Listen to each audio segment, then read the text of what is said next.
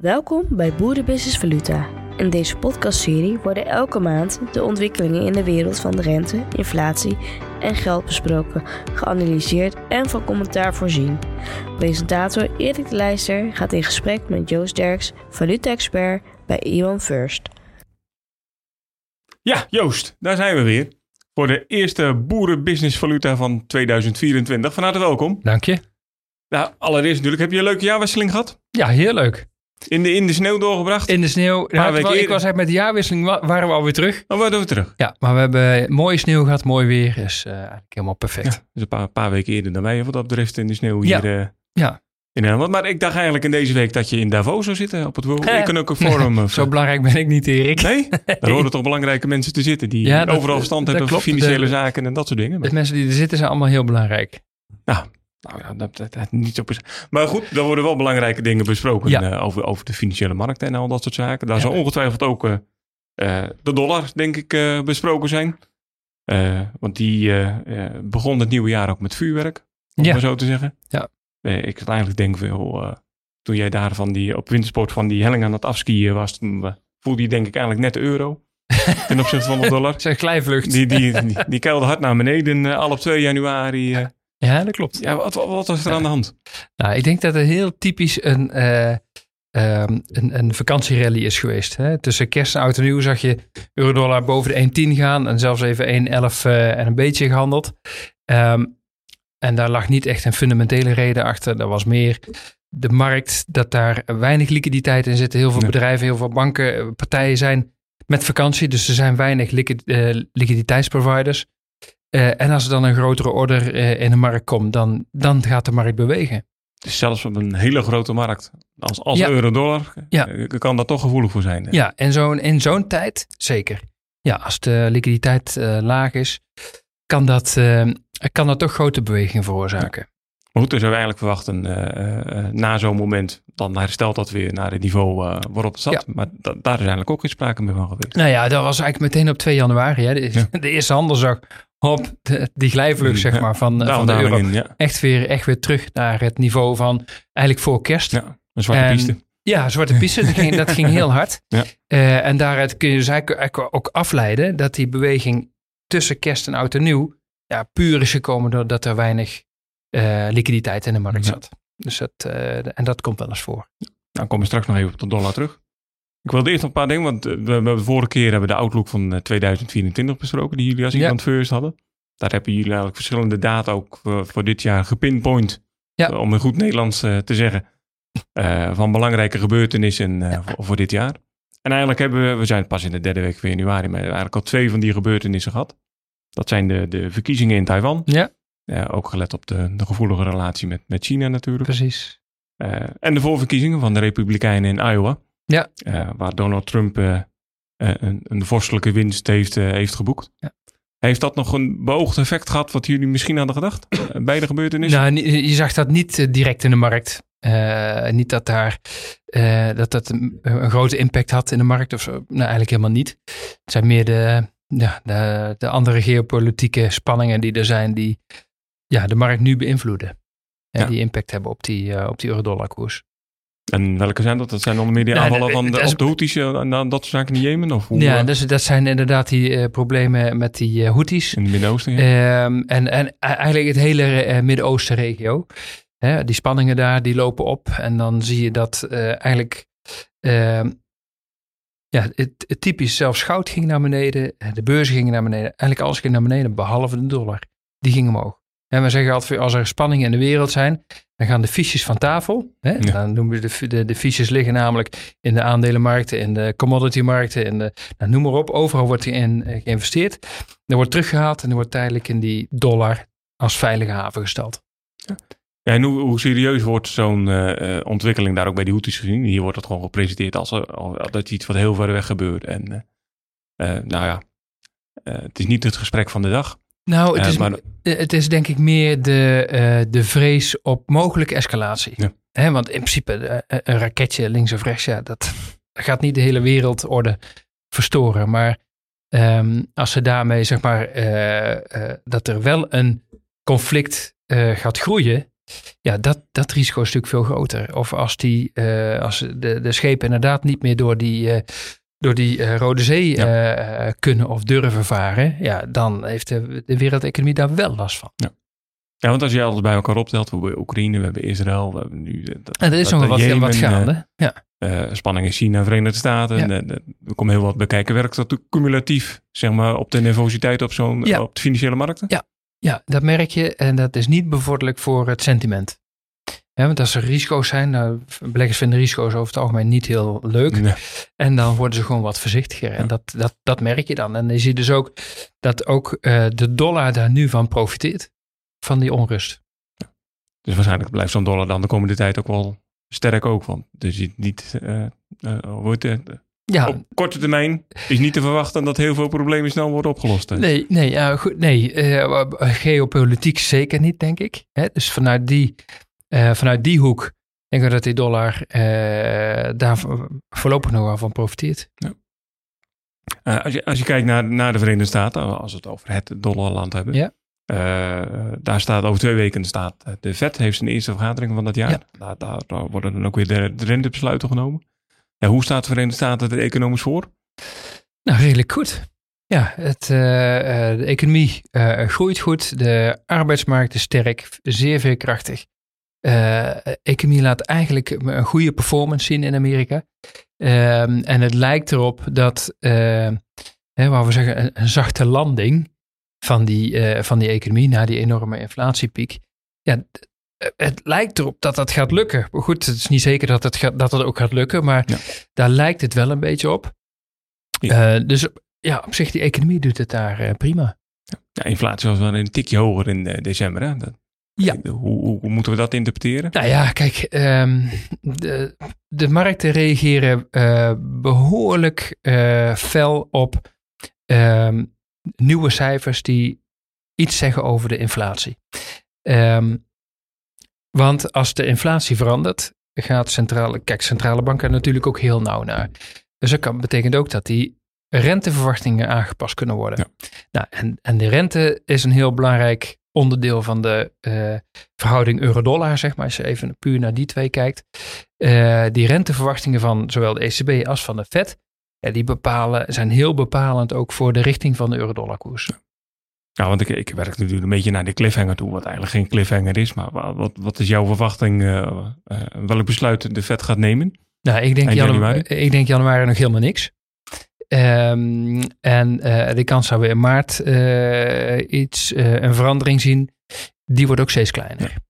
En dat zie je ook in die CME Fed Watch Tool. Hè? Dus dat is eigenlijk de geldmarkt die inschat wat de uh, toekomstige rente uh, in Amerika gaat, gaat zijn.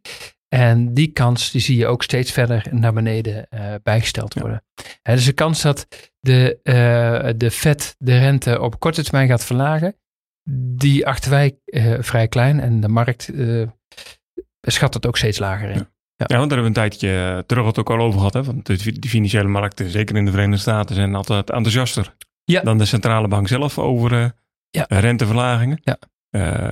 Die hadden ze eigenlijk denk ik al ingeprijsd, al geruime tijd voor, voor maart. Ja. Uh, wat voor impact heeft het dan op de markt? Nou, dat betekent dus eigenlijk dat de renteverwachting voor de dollar, ehm, dat de rente langer hoog blijft.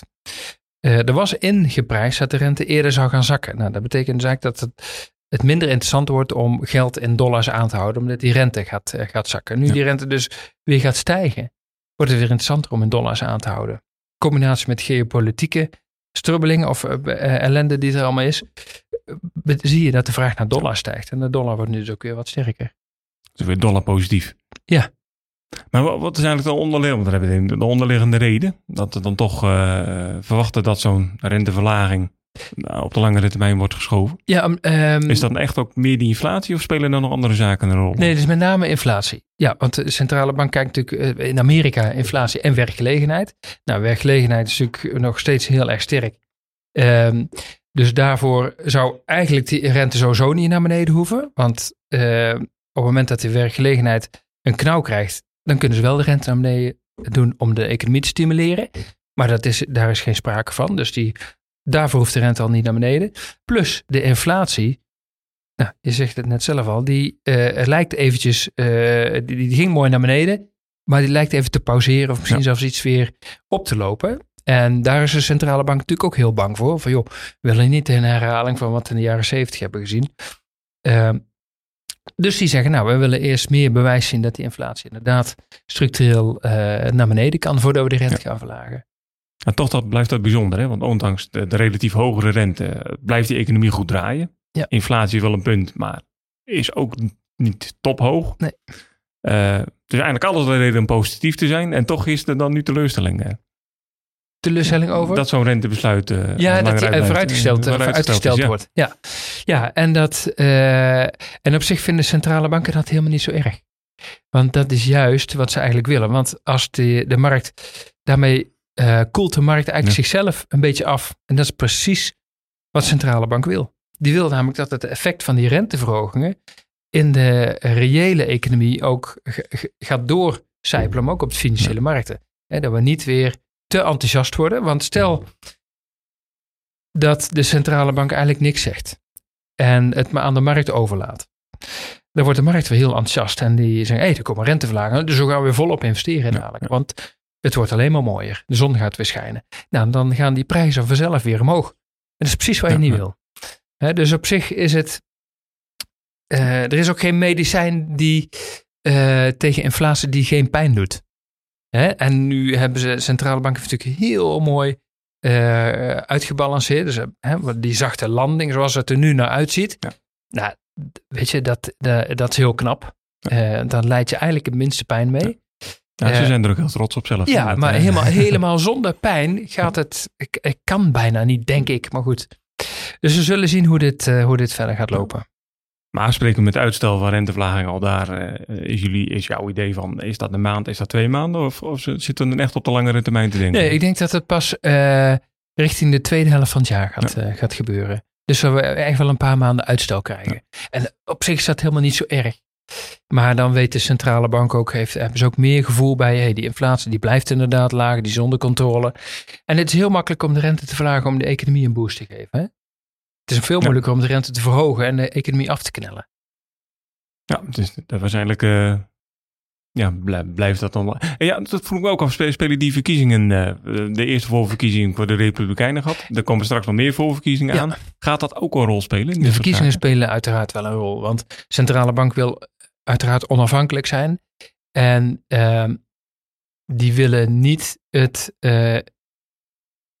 het idee opperen dat zij uh, de zittende of de uitdagende kandidaat zouden bevoordelen door juist de economie af te koelen of juist te stimuleren. Ja, want voor de zittende ja. president is het natuurlijk goed als de economie goed gaat. Voor een uitdager is het natuurlijk goed als die economie helemaal niet goed gaat. Ja, dus dat, daar proberen ze echt wel echt onafhankelijk te zijn. Um, en uh, een, een, een snelle renteverlaging ja, zou in het voordeel van de democraten spreken natuurlijk. Want ja, dan gaat de economie ja, goed. Ja. En we hebben altijd, we weten in Amerika zeggen, it's the economy uh, stupid. Hè? dat is het enige wat telt.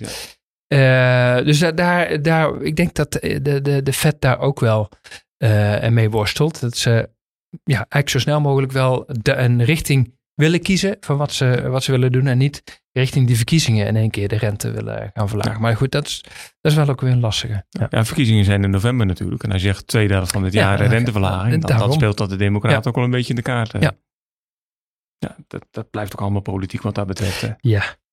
Uh, over politiek gesproken, de eurozone. Ja. Daar zijn ze ook wel gewend aan uh, uh, dingen met elkaar te bespreken, om het maar eufemistisch, eufemistisch te zeggen. Dat is heel goed. Uh, de ECB gaat het komende donderdag al, de Europese Centrale Bank, over ja. een, nieuwe, uh, een nieuwe rentebesluit. Ja. Maar ook daar valt op dit moment denk ik weinig vuurwerk te wachten. Ja. Kijk ik al zo naar jou. Nee, van, dat denk ik ook. daar, gaat niks gebeuren. Ja. daar gaat niks gebeuren. Nee. maar hoe, hoe, zien jullie de, de, de, hoe zie jij de economische ontwikkelingen? Kunnen we dan wel een beetje optimistisch kijken naar de, naar de EU voor, voor dit jaar? De vorige keer was je nog niet zo uh, Nee, en ben, ben ik nog steeds niet. Eigenlijk gezegd, Jammer. helaas. Nee, daar ben ik eigenlijk nog steeds niet. Je ziet ook dat uh, uh, Duitsland blijft het moeilijk hebben. Uh, en dat is toch eigenlijk de, de grote motor van Europa. je ziet ook dat die autobouwers, dat is natuurlijk wel een heel groot onderdeel van die Duitse industrie, die ervaren enorm veel concurrentie uit China. Hè, met elektrische auto's. Ja, met elektrische auto's die daar allemaal heen geëxporteerd worden. We kunnen niet zeker zeggen of die vanuit China allemaal gesubsidieerd worden. Maar die kans is natuurlijk ook wel een beetje aanwezig. maar daar, daar, ervaren ze heel veel concurrentie in. Je, ziet zelfs dat Tesla daar heel veel concurrentie van ervaart. Want die is telkens zijn prijzen verder aan het verlagen.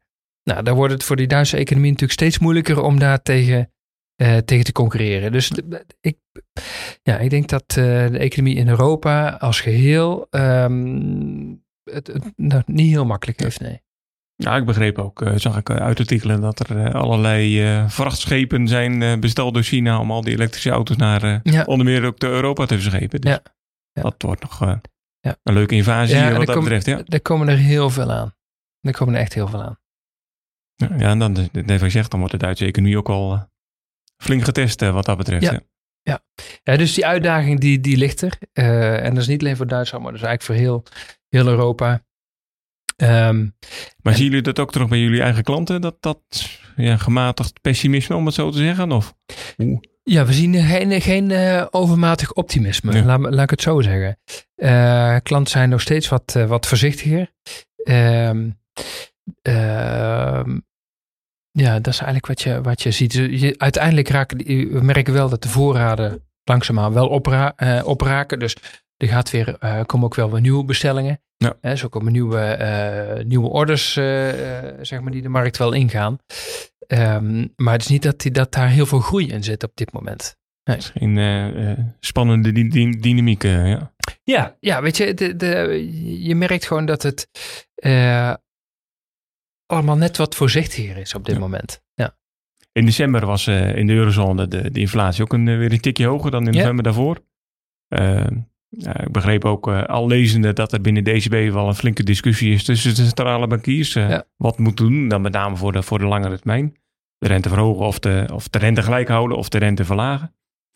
Eerder werd nog uitgesproken dat de ECB pas denkt aan renteverlaging in, in 2025 mm. of uiterlijk eind 2024. Ja. Uh, hoe is jouw voortschrijdend inzicht uh, in deze? Nou, wij denken, wij denken dat dat iets eerder gaat komen, ja. Um, enerzijds omdat die economie in Europa echt last gaat krijgt nu van die hoge rente. Die is minder flexibel dan de Amerikaanse economie.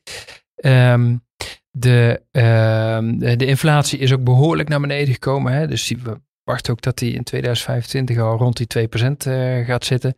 Dus inflatie is echt op de goede weg. Um, en we zien ook dat door de economische activiteit die afneemt, is de kans op weer toenemende inflatie is, is kleiner. Ja. Dus wij denken juist dat die ECB misschien wel eens eerder kan gaan verlagen. Maar goed, je hebt eerder gezegd, het gaat altijd om timing. Op het juiste moment, op de juiste plek. Als, als de inflatie nog in 2% is, wat het doel is, dan kan je toch eigenlijk nog niet verla of, uh, verlagen? Of nee, maar als die, uh, als die inflatie uh, een, een, beweging laat zien, goed, uh, die consistent naar beneden is, dan zal de ECB ook met hun, hun, economische modellen en verwachtingen zeggen, nou op een gegeven moment, nu is het wel verantwoord om die rente, hè, die staat nu op 4, 4% depositrente en de leen is 4 en een kwart. Uh, die kan langzaam weer naar beneden. ik zeg niet dat hij meteen naar 2% gaat, maar hij kan wel, ook om het eerste signaal, te geven aan de markt, uh, denken wij dat dat uh, toch wel voor de zomer gaat gebeuren. Voor de zomer zelfs? Ja. Dus een half jaar eerder dan eh, ja. De verwachtingen nu? Ja, dus dat is echt onze out of consensus verwachting. Ja. als je het kijkt net ten opzichte van de markt, zouden we denken, nou, het zou dit keer wel eens kunnen zijn dat de ECB misschien de vet voor is. Ja, want ik wilde net zeggen, want ik zit, eh, de, de, je zei net voor de zomer, maar bij de vette riep je volgens mij na de zomer. Ja. Uh, maar dan hebben we een, een aardige twist te pakken. Ja. Want uh, lange tijd uh, ging iedereen vanuit vet eerst, ECB ja. pas verder achter. Ja, dat klopt. Dat klopt. Nou, wij, denk, wij schatten dus eigenlijk in nu dat de markt het ja, ehm, te optimistisch is over de renteverlaging en met name van de vet. wij denken dus dat dat, wij denken daar net iets anders over. Hm. Ja. En hoe moet, je daar, hoe, moet je daar als, als ondernemer in, in de food en agribusiness uh, tegenaan kijken? Nou, moet je daar toch even rekening mee hebben? dat, dat is positief. Het punt is dus eigenlijk dat de, uh, door die renteverwachting ook, denken we dat die dollar dus wat sterker kan worden. Terwijl we voorheen dachten dat die wat zwakker zou, uh, zou kunnen worden. Maar we, denken, we, we, zijn er eigenlijk een beetje in gedraaid. Dus we denken dat die dollar eerder sterker wordt dan, dan zwakker op dit moment. Oh, maar daar hoeven we niet voor te schamen. Hè? Draaien doen heel veel. Nee, nee, nee, maar dat, uh, en we proberen het ook altijd goed te onderbouwen. Dus dat, uh, dat ook. dit ja. komt niet zomaar van we tossen we gewoon een dubbeltje of een kwartje op zijn kop of munt. Nee, ja. Daar, daar is zo over nagedacht. Um, maar wat zou de ECB dan uh, volgende week uh, als signaal naar de markt toe brengen? Uh, volgende zijn week... meestal niet het, het beste in, moet ik er gelijk bij zeggen. Maar... Nee, dat is, dat is moeilijk. En ze vinden het moeilijk om ja. echt een duidelijk signaal te geven. En de vorige keer hebben natuurlijk gezegd, we hebben niet eens over renteverlaging gesproken. Ik vraag me af of het echt zo is. Pas over 30 jaar zullen we dat weten, want dan worden hun notulen echt openbaar gemaakt. Um, ik denk dat ze daar wel al over gesproken hebben. En ik denk dat ze daar ook nu weer over gaan, gaan spreken. Um, ik denk wellicht dat ze heel voorzichtig zeggen van nou, we hebben het er wel over gehad, maar verder geen richtlijn geven. Want ze ja, zijn ja. wel heel bang om te vroeg een signaal te geven dat die rente om, uh, naar beneden gaat. Want dat wordt weer helemaal door de markt weer te optimistisch opgenomen waarschijnlijk. Ja. Dus elk woord... Uh, ja, ik, ik denk dat ze wel uh, aan de voorzichtige kant blijven, eerlijk gezegd. Uh, maar als jullie zeggen, joh, de, de verwachting nu is eind dit jaar. De, de, jullie geven aan, joh, het kan best wel eens voor de zomer zo zijn. Ja. Hoe, hoe kun je daar als ondernemer nu het beste op anticiperen? Uh, nou ja, als jij dollars uh, moet kopen, dan zou je eigenlijk niet al te lang moeten wachten nee. met indekken, zou ik zeggen. Ja. Hè, dat, je daar, dat je daar je maatregelen voor, voor treft. Als jij dollars verkoopt, nou, dan kan je eventjes kijken van joh, een order inleggen op 106 of 105. Uh, hè, dan, dat hij dan uh, geraakt wordt, ja. dan denk ik dat je spek bent ook. Ja. Dan gaan we nog even naar het Britse pond. Ja. Uiteraard. Uh, zijn er ook verwachtingen of verrassingen te verwachten? Nee, niet zozeer. Nee, je hebt in Engeland hebben we natuurlijk ook even een uptickje in de inflatie gezien. Ja. Dus ook daar ehm, zijn die renteverwachtingen eigenlijk bijgesteld. de rente blijft wat langer hoog. Daar profiteert het pond nu van. Ehm, uh, met name ook ten opzichte van de euro. Van de euro ja, uh, je zag europond wat, uh, wat wegzakken. Um, en dat komt eigenlijk ook, we passen eigenlijk wel in het plaatje wat we net geschetst hebben. Dat de rente in Engeland ook weer de rente in de eurozone outperformt. Hè? Dus wordt het interessant om ponden aan te houden ten opzichte van de euro. Dus daarom wordt het pond nu wat sterker. Maar goed, in, in Engeland blijft ook wel tobben met de economie, hè, wat dat betreft. Ja, uh, en Engeland en, en, denk ik dat we ook, wat, ook nog verkiezingen krijgen ja, dit jaar. Ja, in de Verenigde Staten. Ja. Nou, dat moet bijna wel geloven, toch? Ja, dat moet je. Wel ja. Hij moet verkiezingen uit, uit gaan schrijven dit jaar. Maar ga, ja, gaat dat impact hebben? Uh, ik denk niet dat de conservatieven het over de streep trekken om ook in het nieuwe kabinet de lead te hebben. Nee, ik denk dat daar dat er wel een machtswisseling komt. Um, maar dat het uh, qua beleid eigenlijk niet zo heel erg veel gaat veranderen. En ook ja, de impact voor het pond. Moeilijk inschatten, maar ik denk niet dat dat. Ik denk meer dat de rente belangrijker is dan uh, of er, uh, welke, welke regering dat ja. daar nu zit. Ja. Dus dat blijft daar net zo stroef als ja. hier in de Europese Unie, ja. wat dat betreft. Ja. Het is toch steeds iets te hopen op een gamechanger. Was echt van, nee, dat was ja, je hebt net een mooie gamechanger gehad, toch? ja, maar voor positief vooruit kunnen wij niet zo. nee. Uh, nee. nee.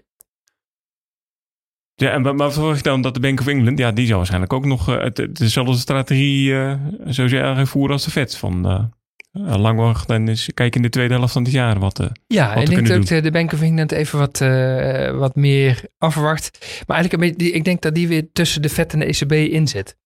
Want uh, Engeland gaat qua economisch ook niet zo heel geweldig. Ja. Dus ik denk dat die eerder uh, uh, naar de kant van de ECB neigen dan de kant van de, van de Fed. Ja. Dus blijven toch een beetje bij Europa, die, die Britten. Ja, toch wel. Eigenlijk wel. Dat horen ze eigenlijk ook. Goed.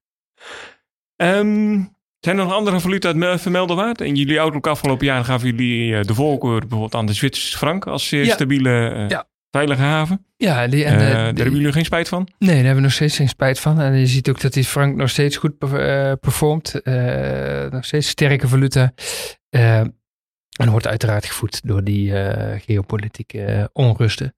Want ja. ja. de Zwitserse frank is echt ook een, echt een veilige haven. Ja, ja dat vroeg me wat voor rol ja. heeft zo'n zo frank eigenlijk in het valutalandschap? Ja, dat, ja die zijn, um, ze zitten natuurlijk niet in de eurozone. Het ligt wel in Europa, ja. maar ze hebben verder geen banden met de ECB. Weet je, echt een eigen staat. Um, varen altijd een eigen koers. Hebben een uh, sterke economie. supersterke munt natuurlijk. Ehm, en er zit heel veel vermogen. Kijk, dat is ook heel belangrijk. Hè? Ja, en de geld trekt geld aan. Ehm, dus je ziet ook dat die Zwitserse frank is naast de dollar en de Japanse yen eh, altijd eh, in trek als er onrust is Ja. in de wereld. Ja. Was het ook zo'n veilige haven dat je daar op wintersport was trouwens? Of dat, eh, Nou, dat is een te dure veilige dat speelt wel een rol hè, met de Zwitserse frank inderdaad. dat is echt extreem duur. Er zijn nog andere valuta waar zegt joh, eh, Nou ja, we hebben natuurlijk de yen eh vorige keer ook al even besproken. Hè. Dat is eh, ehm, een hele, eh, hele ingewikkelde eh, valuta om in te handelen. Ehm, in zoverre dat eh, op het moment dat die centrale bank het beleid gaat veranderen, dan wil iedereen door dezelfde deur naar buiten, weten we. Maar om yennen te kopen en eh, euro's of dollars short te gaan, dat kost je heel veel rente. Hè, dus de opportunity cost zijn vrij hoog. Dus je moet dat de timing is daar super belangrijk. maar als je te laat bent, is het alweer 10 cent lager. Weet je? Dus dan, Ja, ja. dan heb je de boot alweer gemist. Eh, dus dat is, daarom is dat zo eh, ingewikkeld. ja, en wat is jullie verwachtingen trouwens van die yen voor de komende periode? Want de centrale bank z- Nou ja, eigenlijk dat, op. dat we een beetje rond, rond de huidige koers blijven hangen tot er iets gaat gebeuren. Tot daar eh, die centrale bank de rente omhoog gaat gooien. Ja. En er wordt elke periode op En alleen- gerekend of elke ja, periode alleen al de- gesproken.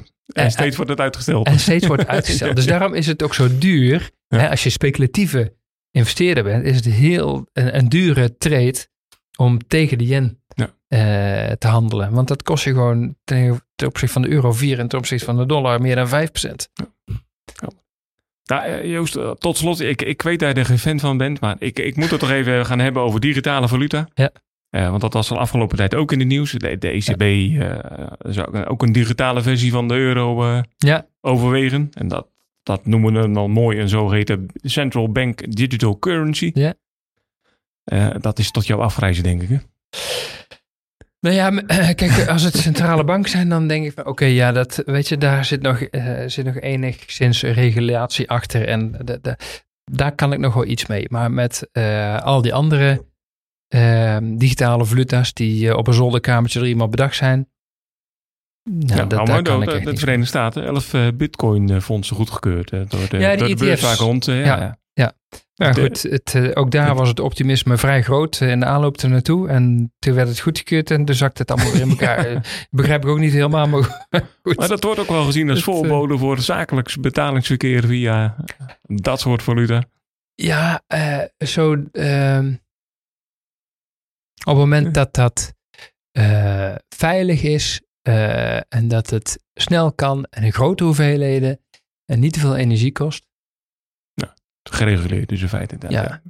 En, eh, eh, en ook die rekenkracht die gevraagd wordt. Hè, dat, we hebben hebben- volgens mij hebben we ook wel eens een keer besproken het aantal betalingen wat Swift per seconde zeg maar, kan verwerken. En het aantal betalingen wat zo'n digitale currency Ja. kan verwerken. Nou, ligt echt mijlenver uit elkaar. Ja, het is geen groene valuta wat dat betreft. Nee. Nee, maar ook niet qua, qua capaciteit. capaciteit, ja. Met die rekencapaciteit die er nodig is, die, eh, dat, dat vertraagt ook alles. Ik vroeg me wel af hoor, toen ik al, want eh, goed, er wordt gezegd, ja, zo'n digital currency, eh, dat kan interessant zijn in de normale betalings, betalingsverkeer van consumenten. Maar ja, ik, ik zie niet zozeer welk probleem je daarmee oplost, want iedereen heeft een pinpas en al, al, al dat soort zaken betalen via de app. Ja.